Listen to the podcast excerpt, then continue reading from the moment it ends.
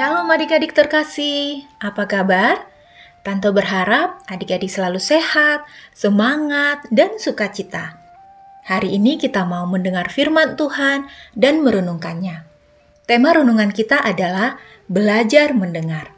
Diambil dari Alkitab Perjanjian Baru, yaitu Yohanes 10 ayat 1 sampai 5. Sebelumnya adik-adik, mari kita berdoa mohon pimpinan Tuhan. Bapak yang baik, kami mau belajar mendengar suara Tuhan agar kami semakin mengenal Tuhan Yesus. Kami mau mendengar dan merenungkan firman-Mu. Beri kami pengertian dalam pimpinan-Mu agar kami sungguh-sungguh semakin mengerti firman Tuhan. Dalam nama Yesus Kristus kami berdoa. Amin. Adik-adik, pembacaan Alkitab dari Yohanes 10 ayat 1 sampai 5. Adik-adik sudah membuka Alkitabnya? Kita sama-sama baca ya adik-adik. Beginilah firman Tuhan.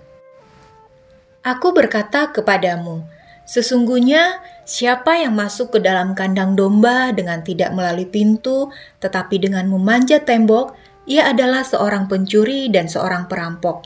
Tetapi siapa yang masuk melalui pintu, ia adalah gembala domba.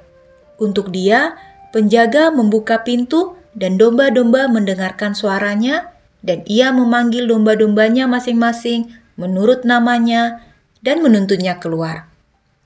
Jika semua dombanya telah dibawanya keluar, ia berjalan di depan mereka, dan domba-domba itu mengikuti dia, karena mereka mengenal suaranya.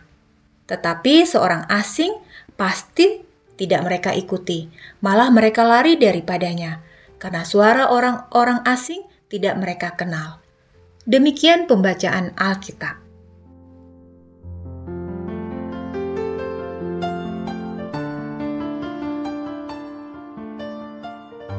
Adik-adik, tema renungan kita adalah belajar mendengar. Tahukah adik-adik bahwa menurut penelitian Proceedings of the National Academy of Sciences ditemukan fakta bahwa bayi sudah dapat mendengar dan mengenali suara sejak ia masih berada di dalam kandungan ibunya. Janin berusia 18 minggu mulai mengenali suara-suara di lingkungannya seperti suara detak jantung ibunya, suara ibu dan ayahnya, suara musik, dan lain-lain. Bahkan di usia 28 minggu, janin mulai dapat membedakan kata ba yaitu BA dan ga GA. Jadi, mereka juga dapat mengenali bedanya suara perempuan dan laki-laki. Tidak heran, banyak ibu-ibu yang mengandung memperdengarkan musik klasik kepada calon anaknya, mengajaknya berbicara, juga membacakan cerita. Kebiasaan-kebiasaan ini ternyata bisa membuat si bayi menjadi terbiasa, sehingga ketika dia lahir dan tumbuh nanti, ia cenderung akan menyukai hal yang sama seperti yang ia dengar waktu masih di dalam kandungan ibunya. Wah, sungguh luar biasa, bukan? Nah, adik-adik, cerita Tuhan Yesus yang kita pelajari dalam minggu ini adalah kisah ketika Tuhan Yesus mulai memanggil murid-muridnya.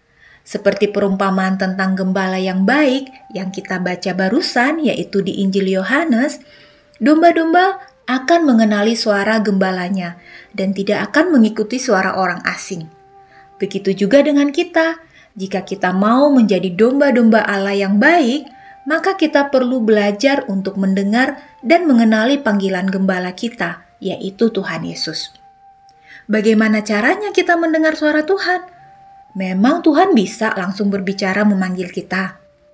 Nah, adik-adik, untuk mendengar dan mengenali panggilan Tuhan, kita dapat memulainya dengan membangun kebiasaan membaca firman Tuhan. Membaca, kemudian kita renungkan firman Tuhan, atau mungkin juga secara audio seperti sekarang ini adik-adik. Dengan demikian, kita akan mengenal Tuhan Yesus, gembala kita. Sehingga kita juga bisa membedakan mana yang baik, benar, dan mana yang bukan dari Tuhan yang bukan dari Tuhan, jangan kita ikuti.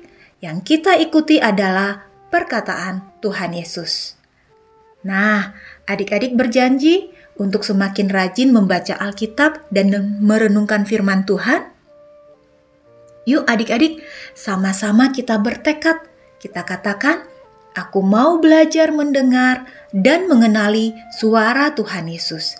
Sekali lagi ya adik-adik, aku mau belajar mendengar dan mengenali suara Tuhan Yesus. Mari kita berdoa.